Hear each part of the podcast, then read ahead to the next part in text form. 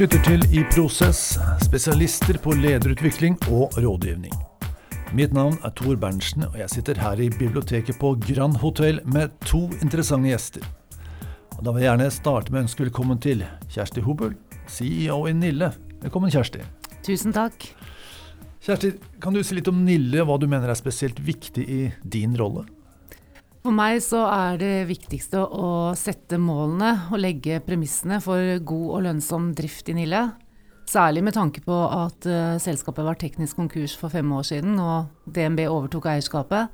Så det å ha en stor åpenhet, uh, ha klare målsetninger, trygghet for de som er ansatt i selskapet, det er kanskje en av de viktigste fundamentene som jeg ser at min rolle skal fylle. Ja, gjerne høre litt mer om, men en kjapp kommentar. Er det fortsatt DNB som har eierskapet? Ja, det er det. det er det. Og det har nok blitt litt lenger enn det både banken og jeg tenkte den gangen i 2018. Men med alt som har skjedd de siste årene med koronaepidemi og så ja. krig og ja, tørke i finansmarkedene, så er det ikke det letteste å selge en retail-kjede akkurat nå. Ja. Selv om den er uh, god. Ja, jeg skjønner. Da vil jeg gjerne ønske velkommen til vår andre gjest, Hege Amundsen Elvestad, administrerende direktør i Bergård Amundsen. Velkommen, Hege. Takk skal du ha. Kan du si litt om Bergård Amundsen, og hva du mener er spesielt viktig for deg som leder? Ja, Bergård Amundsen er jo en elektrogrossist som kanskje ikke så mange kjenner. Det er jo litt annerledes enn å jobbe i retail. Så vi er jo til for eh, installatører, elektrikere og e-verk rundt i det ganske land. Vi er jo et familieeid selskap.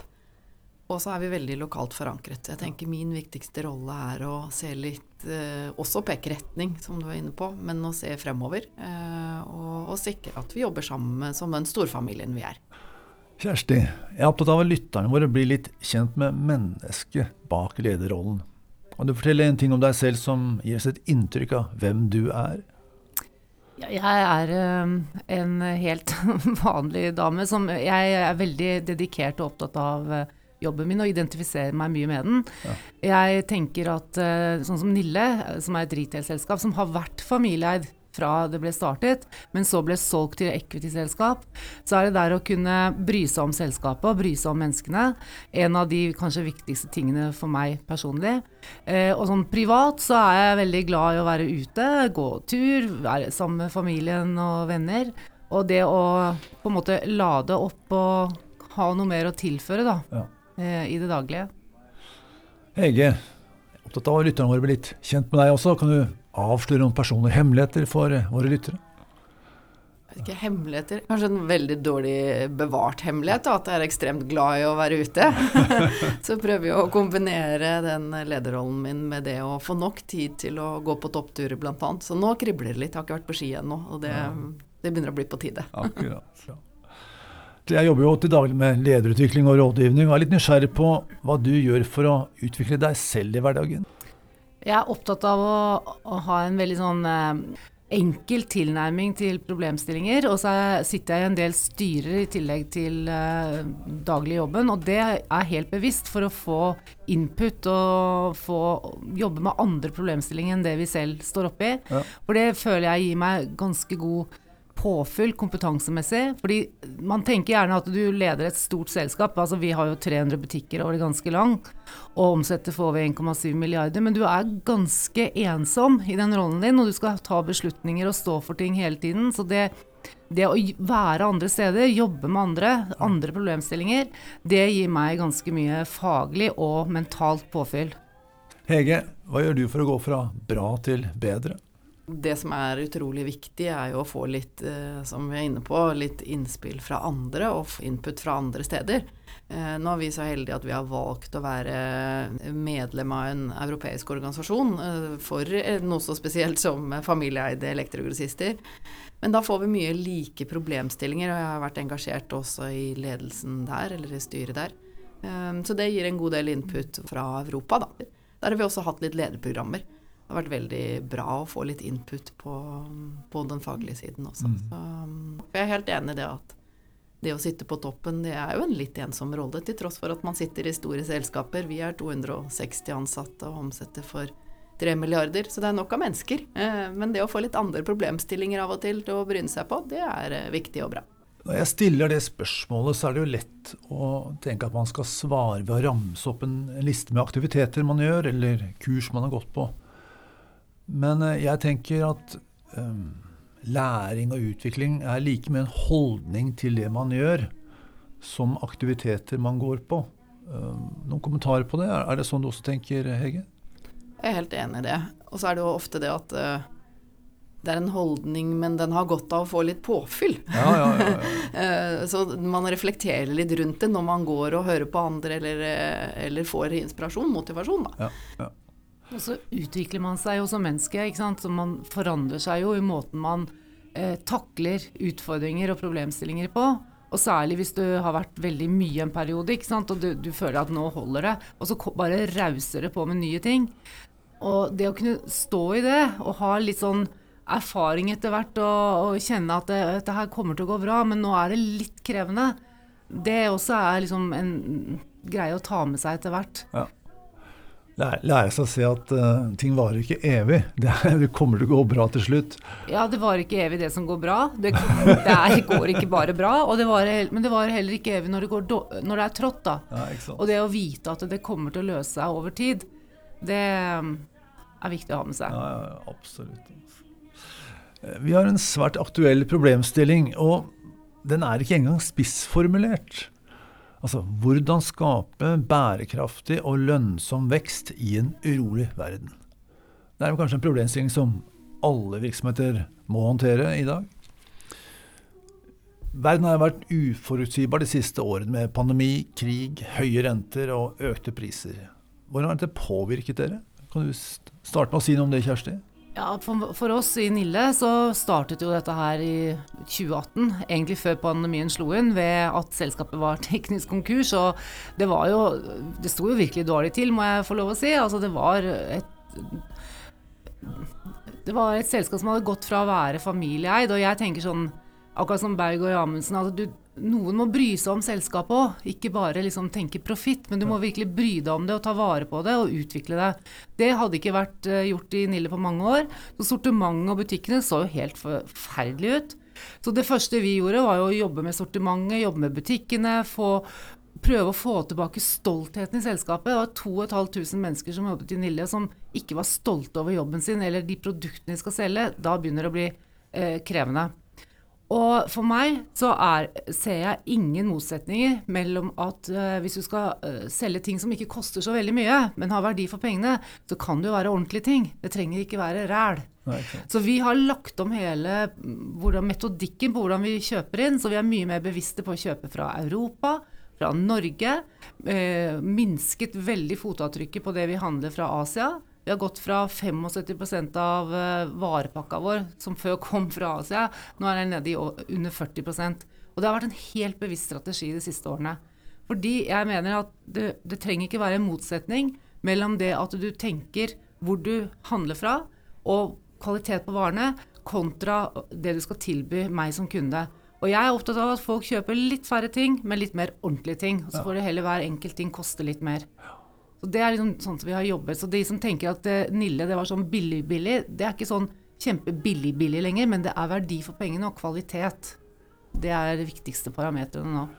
Og det får jeg en skikkelig refleksjon når jeg sitter og hører du sier det, for det, er jo, det må ha vært litt en kulturreise dere har vært igjennom da. Ja. Fordi det, det, det var, Nille var jo billig-billig. Ja og, ja, og jeg tenker at det har ikke livets rett.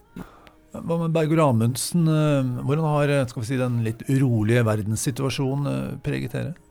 Vi kom jo inn i pandemien på en litt annen måte, egentlig med et selskap som gikk veldig godt. Og så mm, hadde vi fordelen av at vi akkurat hadde flyttet til nytt hovedkontor og nytt sentrallager. Så vi var egentlig godt rustet i forhold til også det digitale arbeidsmetodikken. Og det er jeg utrolig glad for, for det var fra dag én så skulle man fungere på Teams-møter. Men det er klart det skapte jo mye usikkerhet, som vi sto godt i og spilte mye på dette eierskapet vårt. da, At vi som familieeid selskap har muligheten til å stå gjennom en usikker tid. Altså det vi hadde det finansielle godt i orden. Vi har jo lært å leve med usikkerhet. På forhånd så har jo alle snakket om at det, nå blir det større usikkerhet. Det eneste som er sikkert nå, er at det blir mye omskiftning og mye endringer. Og det har vel alle kjent på kroppen Ja. nå, da. Først med pandemien, så med krig eh, som er veldig tett på, så de konsekvensene det har også for vår eh, forsyningskjede, da. Og med prisstigning osv. Og, så og så står vi overfor en, egentlig en vel så stor endring nå, med at det er mye større usikkerhet da, med den eh, markedet. Hvordan er det? Elektrosiden ligger jo litt på halen av dette med bygg, så, så noen nybygg nå i lang tid har stupt. Så det er klart at det påvirker oss fremover nå. Da. Det har gått veldig bra helt fram til nå. Og det er klart at nå skal vi kjenne litt på det, vi også fremover. Så det er jo usikkert. Samtidig som jeg alltid snakker vel så mye om at eh, glasset ikke bare er halvtomt, men eh, det er eh, allfullt. Det er masse muligheter. Ja. og vi, når det gjelder bærekraft, så er jo vi i rett bransje. elektrobransjen skal jo være med å løse. Vi sitter på løsninger til veldig mye av bærekrafts... Eller utslippsproblematikken vår, da. Så vi skal jo være med på en del av de løsningene. Så det kommer jo. Det er en eller annen usikkerhet nå. Så kommer det en fantastisk vekst det er om å stå an litt av og klare å skape motivasjon i den perioden òg. Ja, ikke sant. Kan dere si litt om de største eller de viktigste endringene dere har gjort de siste årene? og liksom Dele noen refleksjoner rundt dem. Start med deg. Nille har vel gjort uh, ja, vi, eh, vi, sånn digitalt sett så fikk vi jo et nytt ERP-system akkurat i 2018 som eh, ikke fungerte på flere år. Så vi visste jo ikke hvor vi hadde hvilke varer i hvilken butikk, så det har vært ekstremt krevende. Men nå har vi fått det på plass, og da har vi en automatisk vareforsyning og replenishment som fungerer veldig bra. Eh, en av de viktigste tingene vi måtte gjøre, var jo å gå til ganske mye oppsigelser og kostnadsbesparelser i den overtagelsessituasjonen. Og med alt som har skjedd. Først kom jo sant, koronaen, og vi måtte stenge først alle butikkene i Oslo, og så i hele Viken. Så vi hadde jo over 150 stengte butikker og 1000 ansatte som var permittert. Så det er klart, det Når du kommer rett fra en situasjon hvor du er egentlig teknisk konkurs, og så kommer du dit, så er det ganske krevende. Så går vi jo tilbake igjen, og så kommer dette med fraktratene som blir høye, og, og varene som ikke kommer. Så vi, vi, altså det har vært en sånn berg-og-dal-bane-reise de siste årene. Det som nå er mest krevende, er å, å fortalt folk å ha god nok informasjonsflyt. Helt ut til den siste medarbeider i den ytterste butikken, enten det er Lindesnes eller oppe i Kirkenes, at dette går fint, vi står han av. Men 2023 er litt å trø vannet. Altså komme seg gjennom det. Eh, og så vet vi ikke hvordan 2024 blir, men vi kommer til å gjøre det beste vi kan.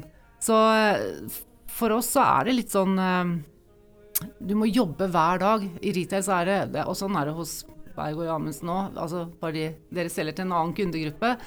Men det er jo slag på kassa hver dag, og det er ingen fri riders. Det er liksom ingen dager du kan bare senke garden. Nei. Og nå er det til og med åpent på søndager, så nå er det enda verre. Så fram til jul. Men det handler jo for oss om å, å, få med menneskene og klare å bygge den der troverdigheten til å stå det igjennom. Eh, hva med dere, Hege? Hvilke endringer har dere gjort de siste årene? Har dere noen refleksjoner du har lyst til å dele i forbindelse med det? Det handler om i, i kriser det å, å evne å løfte blikket litt. Eh, og så er det jo ikke skape for stor avstand mellom de som løfter blikket, og de som i hverdagen har en veldig hektisk hverdag. da. Ja. Eh, så det handler utrolig mye om å skape ett lag, og den nærheten og den samholdet da, som vi prøver å skape, den kulturen hvor vi alle jobber for, for, eh, for selskapet, det tror jeg er utrolig viktig. Og da er det Eh, endret mye på, prøvd å hele tiden forbedre oss på den internkommunikasjonen, blir utrolig viktig. Den synligheten både jeg har som leder, men hele ledergruppen. Det å se folk da, i en hektisk hverdag og i en eh, usikker hverdag, det, det tror jeg er ekstremt viktig. Og der er vi ikke i mål ennå, men vi har jobbet med en god del tiltak, både med litt ledertrening, eh, gjort om veldig mye på internkommunikasjonen vår og, og og også på oppfølgingsmetodikken vår. Da. Vil du si at dere har vennet dere til de urolige tidene? Er, vi på en ny normal nå, eller kjenner vi fortsatt på at det er litt mer bølger enn normalt? Åssen er stemningen, liksom? Jeg tror vi alle Selv om det sikkert er den nye normalen at det skjer veldig fort, så føler man jo alltid når man står midt i det, at det føles slitsomt. Og vi er jo også veldig sesongvariert, så akkurat nå i, i høstsesongen så er det det er mange slitne folk, ja. ja. Og som tenker at nå er det verre enn det har vært før. Men det har man sikkert tenkt før òg. Men det er ikke så lett akkurat når man står i det. Så, så, føler man jo at akkurat nå er det verste man har opplevd noen gang. Og verste vet jeg ikke. Men, men det er noe med Jeg er jo alltid veldig optimistisk da. Jeg er opptatt av å se muligheter i det bildet og prøve og, som jeg sier, å snakke opp mulighetene mer enn truslene. Ja. For uh, de fins der. Blir jo lett fanget av det negative. Så vi trenger ledere som aksepterer at det er negativt, men også forsterker det positive bildet, som hjelper resten av flokken med å se det. Det tror jeg er viktig. Jeg regner med at dere ønsker å kutte kostnader uten å ofre for mye på kvalitet og bærekraft. Det kan umulig være en helt enkel øvelse. Kan dere liksom gi, fortelle litt om hvordan dere tenker, eller hvilken slags tilnærming dere har til den problemstillingen? Kjersti? Jeg ser ikke at det er en motsetning jeg, mellom det å kutte kostnader eller ha god kostnadskontroll og prioritere bærekraft. For meg er det to sider av samme sak. Jeg tenker at jo bedre varer vi kan selge, jo mindre reklamasjoner får vi. Ja. Eh, jo mer er fornøyde kunder får vi, og forhåpentligvis gjenkjøp. Men det krever at vi evner å eh, si nei og ikke ta, ta inn en vare fordi om den er kul, hvis ikke den fyller kriteriene. Så det, det, er kjempeviktig for oss.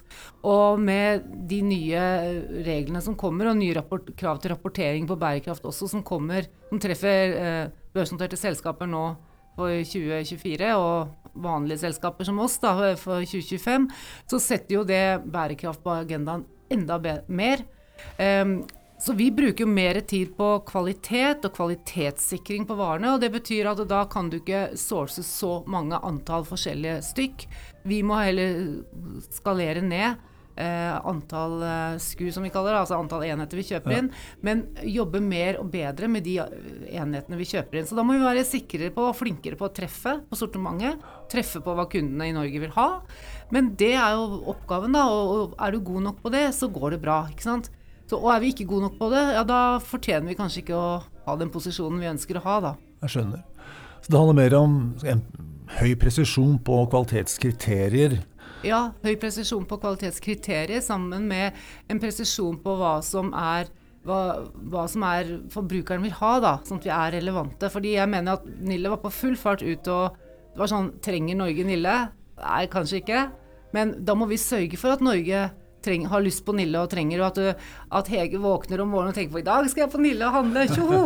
Liksom, vi, må, vi må klare å ta den posisjonen og bli der, for hvis ikke så tror jeg ingen retailere klarer over sikt, over tid, å være relevante. Du må fornye deg hele tiden. Ja. Men det, det, er ingen motsetning i, på, i forhold til bærekraftsaspektet. Tvert imot så mener jeg at bærekraft er med på å gjøre sortimentet vårt bedre, eh, og helheten bedre.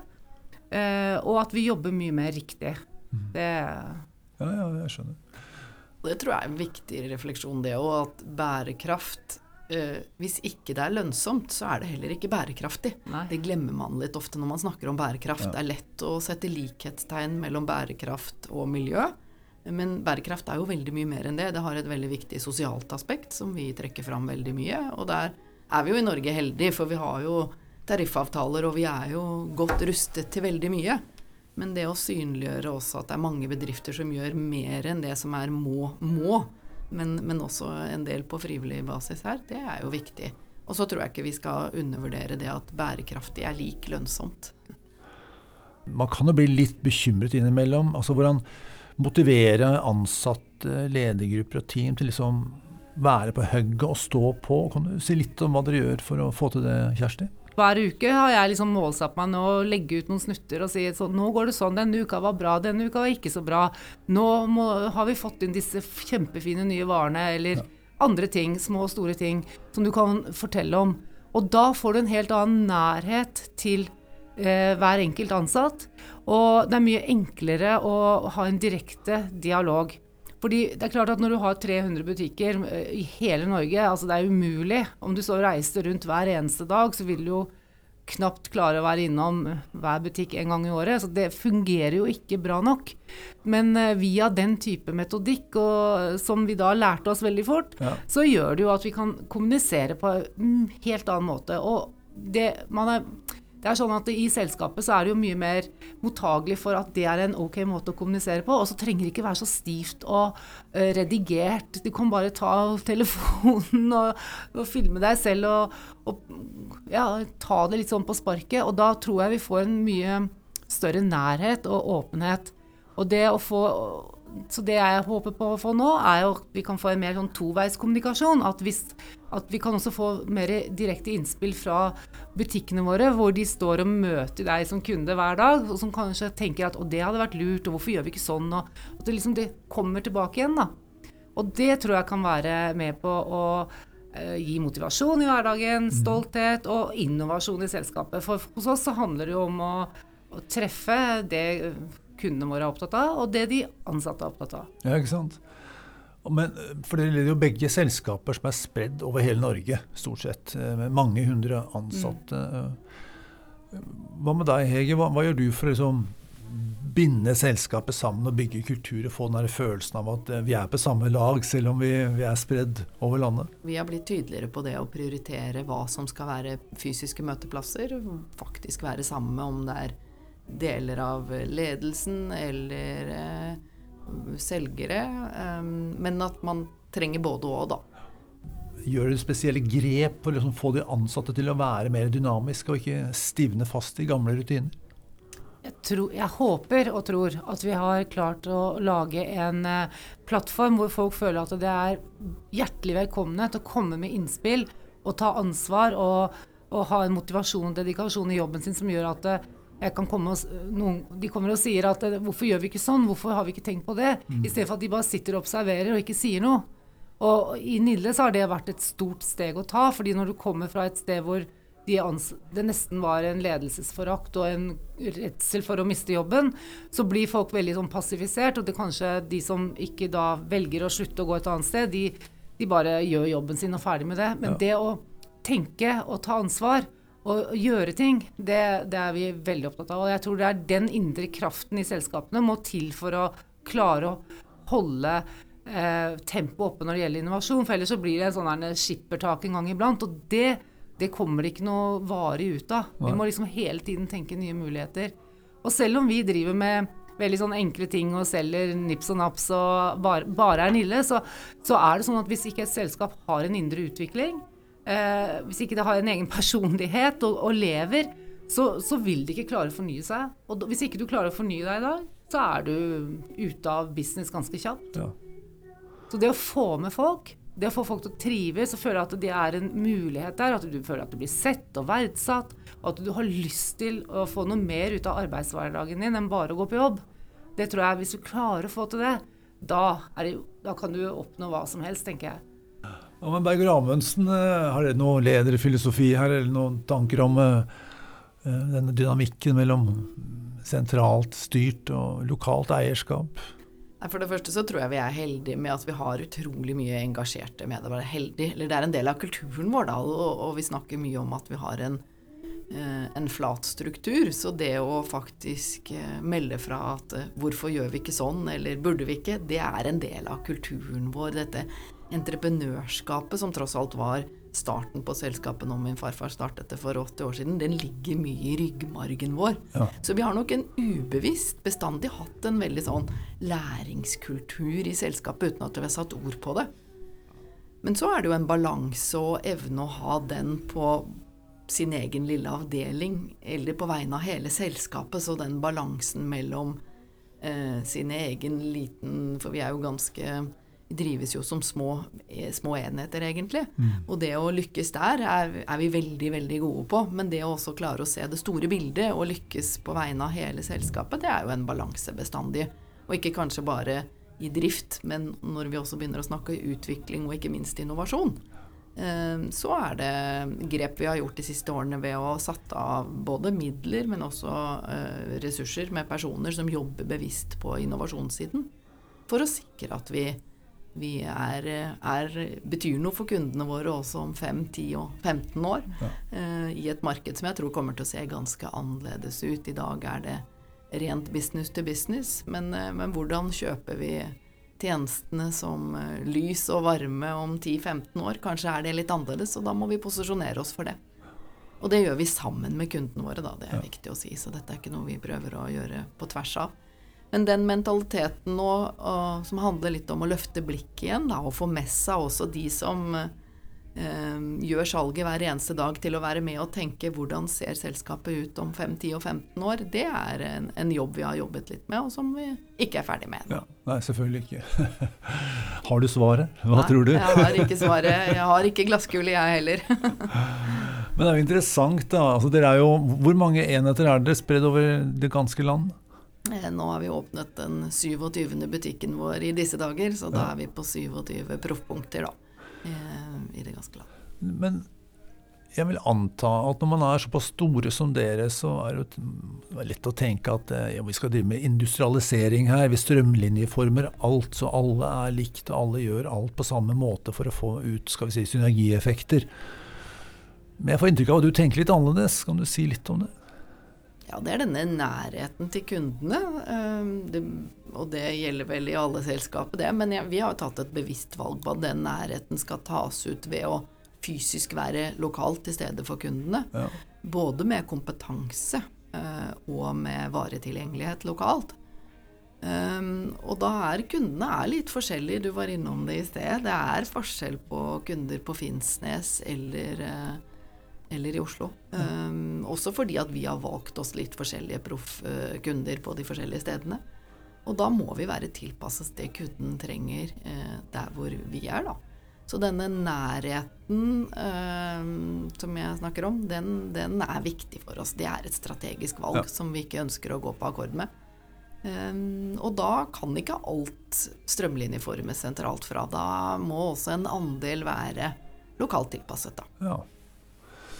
Tenker dere på samme måte der, eller skal Nille være identisk over hele landet?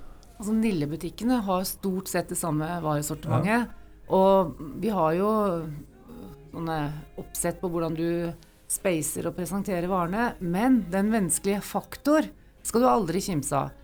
Sånn som oppe i Åfjorden, hvor vi har hatt samme butikkleder i 30 år. Hun kjenner jo alle kundene. ikke sant? Det er på fornavn med alle. Det er, det er, jo nesten som å komme hjem vet du, når du kommer inn i butikken.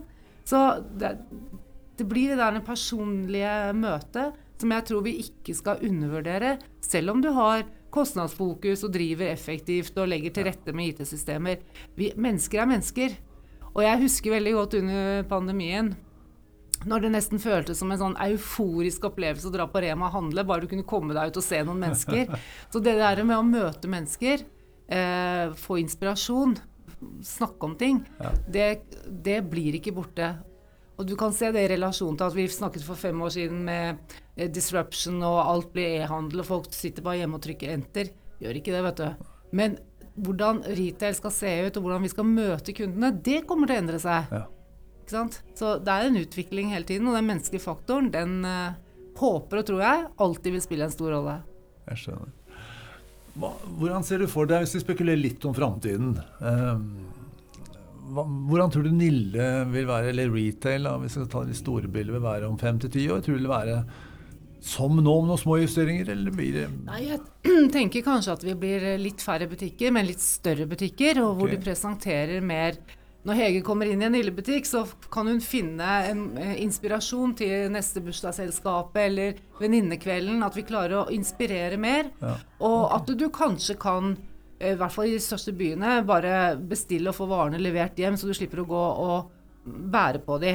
Um, så jeg tenker at vi må bare eh, klare å omstille oss og utvikle oss i tråd med hva kundene ønsker. Ja. For jeg tror det er sånn at det, kjøp, det, å gå på et kjøpesenter lenger, jeg kan bare tenke på meg selv, det er jo ikke akkurat det du har mest lyst til. Men hvis du kan få opplevelser der, hvis du kan ja. føle at du finner, får noe inspirasjon, og du føler at det er meningsfylt, så, så, tenker jeg at da, da kan du velge å bruke litt tid der. Jeg skjønner. Altså litt mer emosjonelt? Altså, ja, litt mer emosjonelt. Det å fortelle en historie, det at det har noen verdier utenom At varene har noen verdier utenom at det er en vare.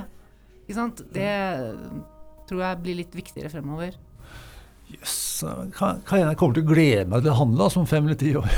ja, men altså det, er, det, skal jo ikke være et motsetningsforhold i det å handle. At du skal føle at du har dårlig samvittighet fordi du forbruker noe. Det er, det er der jeg tenker vi må være mer bevisste på hva vi selger og hvorfor. Og hvilken funksjon det har. Altså, de unge er jo veldig opptatt av at de skal ikke ha stæsj, de skal ha ting som har en funksjon. Du kan ha en vase, for den kan du ha blomster i. Du kan ha et telysholder, for den kan du ha lys i. Men det å ha noe som står og samler støv, det vil du jo ikke ha. Så du må liksom begynne, du må tenke annerledes, da. Jeg skjønner. Og nei, hvis du skal spekulere litt om uh, framtiden til elektrobransjen, eh, hva ser du for deg der? Hvis du går helt til, ned til grossistbransjen, da, så tror jeg vi har en, en viktig rolle å spille fremover også. Um, fordi at uh, veldig mye av leverandørene har flyttet utover i Europa. Der, så vi har rett og slett en beredskapsrolle da, å spille i, i vår bransje. Vi er når strømmen går på julaften, så, så, har vi produktene som gjør at du får stik, stekt ribba likevel. Eh, eller ikke strømmen må tilbake, men vi kan bistå hvis den har gått hjemme hos deg, da. Ja. Eh, så den beredskap både for, eh, for Energiverket, men også for installatørene, det, det, er en viktig rolle. Så vi kommer til å ha fysiske butikker, det er jeg helt sikker på. Og det samme gjelder jo også når du og enten om du er privatperson eller om du handler på vegne av en bedrift, det å bli inspirert, kanskje få lært litt, og å ha læringssentre, kompetanse, det blir viktig. Mm. Så vi eh, kommer fortsatt til å ha proffpunktene våre. Ja. Um, og så er nok en stor andel av handelen også digital, som den er i dag. Og, og varene skal jo på mest mulig effektiv måte der hvor de skal monteres, eh, installeres. Så, Akkurat, så, mye likt, men allikevel Vi har kanskje tatt en litt bredere rolle, tenker jeg. Ja. Men jeg hører kanskje at når Kjersti skal skape opplevelser, så skaper du kanskje mer kompetanse, kan tenkes. Det er riktig. Ja. Eh, Kjersti, du fortalte at dere eies av DNB. Har det egentlig noen betydning hvem som eier dere? Ja, jeg tror at det betyr mye øh, hvem som eier et selskap. Og jeg har alltid ment det, og at jeg mener at det er litt sånn øh, ikke er satt nok fokus på verken i forskning eller ledelsesfilosofi. Øh, altså, at tilhørigheten, det at noen eier og bryr seg om selskapet og er glad i det og tar vare på det, det betyr noe for meg som jobber i selskapet òg. Ja. Og, og for Nille, når DNB overtok Nille, så har det vært eh, Det er ikke sånn at banken har trykket penger og putta inn i selskapet. Vi har måttet klare oss på egen hånd. Men banken er langsiktig, stabil, styrer gjennom styret, legger strategiske føringer sammen med administrasjonen. Og det, det faller nedover i selskapet og gir en veldig god trygghet. Og jeg tror folk trenger å identifisere seg med hvem selskapet er, og også hvem eierne er. Ja. Eh, Hege, dere jo, er jo privateid. Er det veldig annerledes enn bank, eller kan du si litt om det? Hvilken betydning det har for driften av selskapet? Tror nøkkelen egentlig er langsiktighet, ja, eh, som Kjersti er inne på. Og at vi som familieeide eh, blir en slags trygghet da, for eh, Og på samme måte som du sier at dere har opplevd at DNB har vært nå, i den perioden dere er inne i nå. Og det vi ser, er jo at det er veldig mange nye, eh, yngre ansatte som egentlig man tenker at ikke er så opptatt av det, men de er, dagens unge er utrolig opptatt av denne langsiktigheten og tryggheten. Og kanskje blir vi alle det litt i større grad når det er litt usikre tider, da. Så mm. ønsker vi å jobbe et sted hvor vi tror på. Og at denne langsiktigheten bidrar til et sterkt engasjement da, og, og tilhørighet. Og det er med på å bygge kulturen. Så jeg er helt enig med deg at det er en viktig det Eierskapet er viktig. Jeg er selvfølgelig litt uh, biased på det, i og med at jeg er en del av eierskapet i familien. Men, men, vi ser at det betyr veldig mye da, hos oss. Ja. Hva er alternativet til Nå har vi nevnt DNB en bank som eier, og så har vi da privateid. Hvilke andre erfaringer har det? Du det var jo eh, opprinnelig Årskog-familien som stiftet det. Ja. Det er jo det er veldig mange av de gode, gamle selskapene i Norge som var det vi i dag kaller gründerbedrifter eller startups, eller sånn, som bygget sten på sten. Og selskapene var gjeldfrie, de kunne businessen sin, de var dedikerte. Og det var jo den dedikasjonen og det eierskapet, ikke bare form av å eie aksjer, men det mentale eierskapet, hvor du virkelig bryr deg om selskapet. Og jeg så hadde jo Nille en runde med to equity-runder, hvor equity eide selskapet, hvor man ikke hadde den forståelsen for verken uh, selskapets fundament, forbrukerne eller markedet man var i. Og da taper du veldig fort momentum. Ja. Og jeg tror det er det som Da blir folk urolige, og du, du blir usikker på, på, det stedet du jobber. Så eierskap er ekstremt viktig. Og så er det jo mange kjempegode, solide børsnoterte selskaper, men de har også et eierskap som er, blir forvaltet på en veldig langsiktig måte. da. Så, og jeg tror de unge i dag, sånn som Hege sier, de er litt opptatt av den historien og det å kunne høre til noe. Mm. Og Derfor så er den langsiktigheten, at ikke dette selskapet bare blir solgt rundt og ting endrer seg veldig fort, at det er kjempeviktig. Ja, og jeg tror, for det er ikke bare eierskapet, det er vel det aktive eierskapet. Hvordan, eh, uansett hvem som eier det, at det forvaltes på en god måte, at det utøves et aktivt eierskap. Det er det det som drypper ned til det engasjementet, da. Og som skaper denne langsiktigheten og troen på at man kan lykkes sammen. Jeg har jo en forkjærlighet for å sammenligne nesten hva som helst med jeger- og sankerkulturen. Og jeg gjør det litt bevisst, for at hvis det er en slags kobling der, så tror jeg vi er inne på noe som er veldig viktig. Og det jeg hører dere si, er som følger. Eh, vi har ikke noe stammekultur lenger. Stammen er blitt erstattet av kjernefamilien og storsamfunnet. Men kanskje det er slik at arbeidsplassen, den langsiktige arbeidsplassen hvor du føler tilhørighet og kanskje eierskap, det er den som har overtatt rollen til stammen, eller den kan gjøre det hvis man gjør det bra.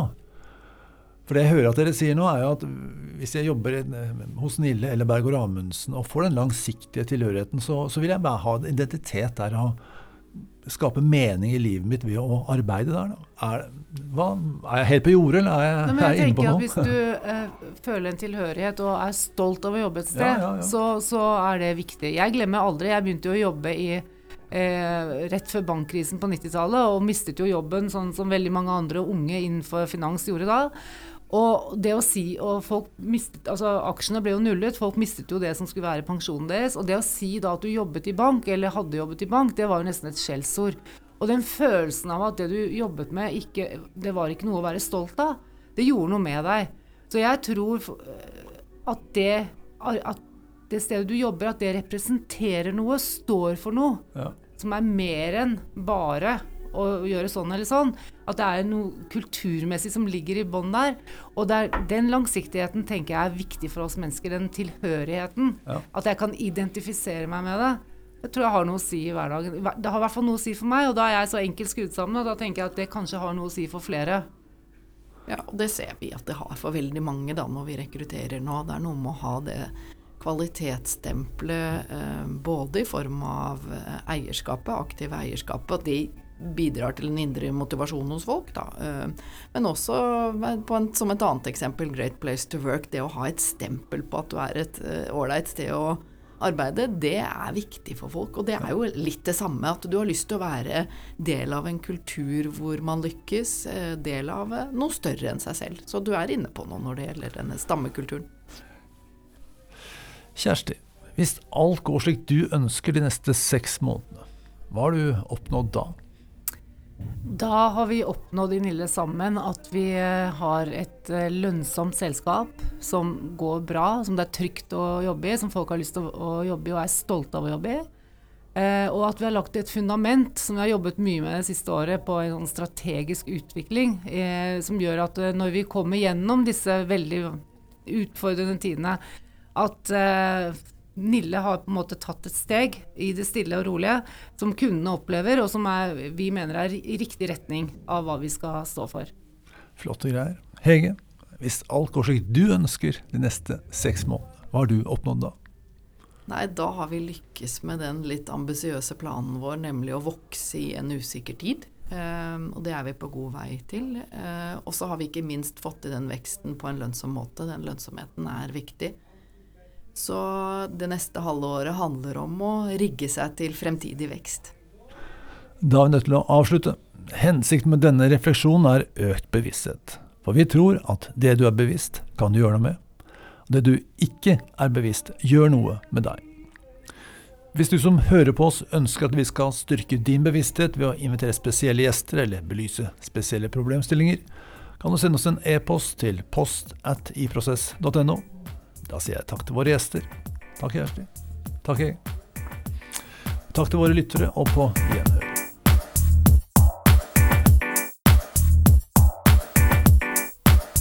Hei, det er Tor Berntsen her. Jeg vil gjerne ha din oppmerksomhet litt til. Jeg har nemlig noe du trenger. Som du vet, jobber vi med lederutvikling.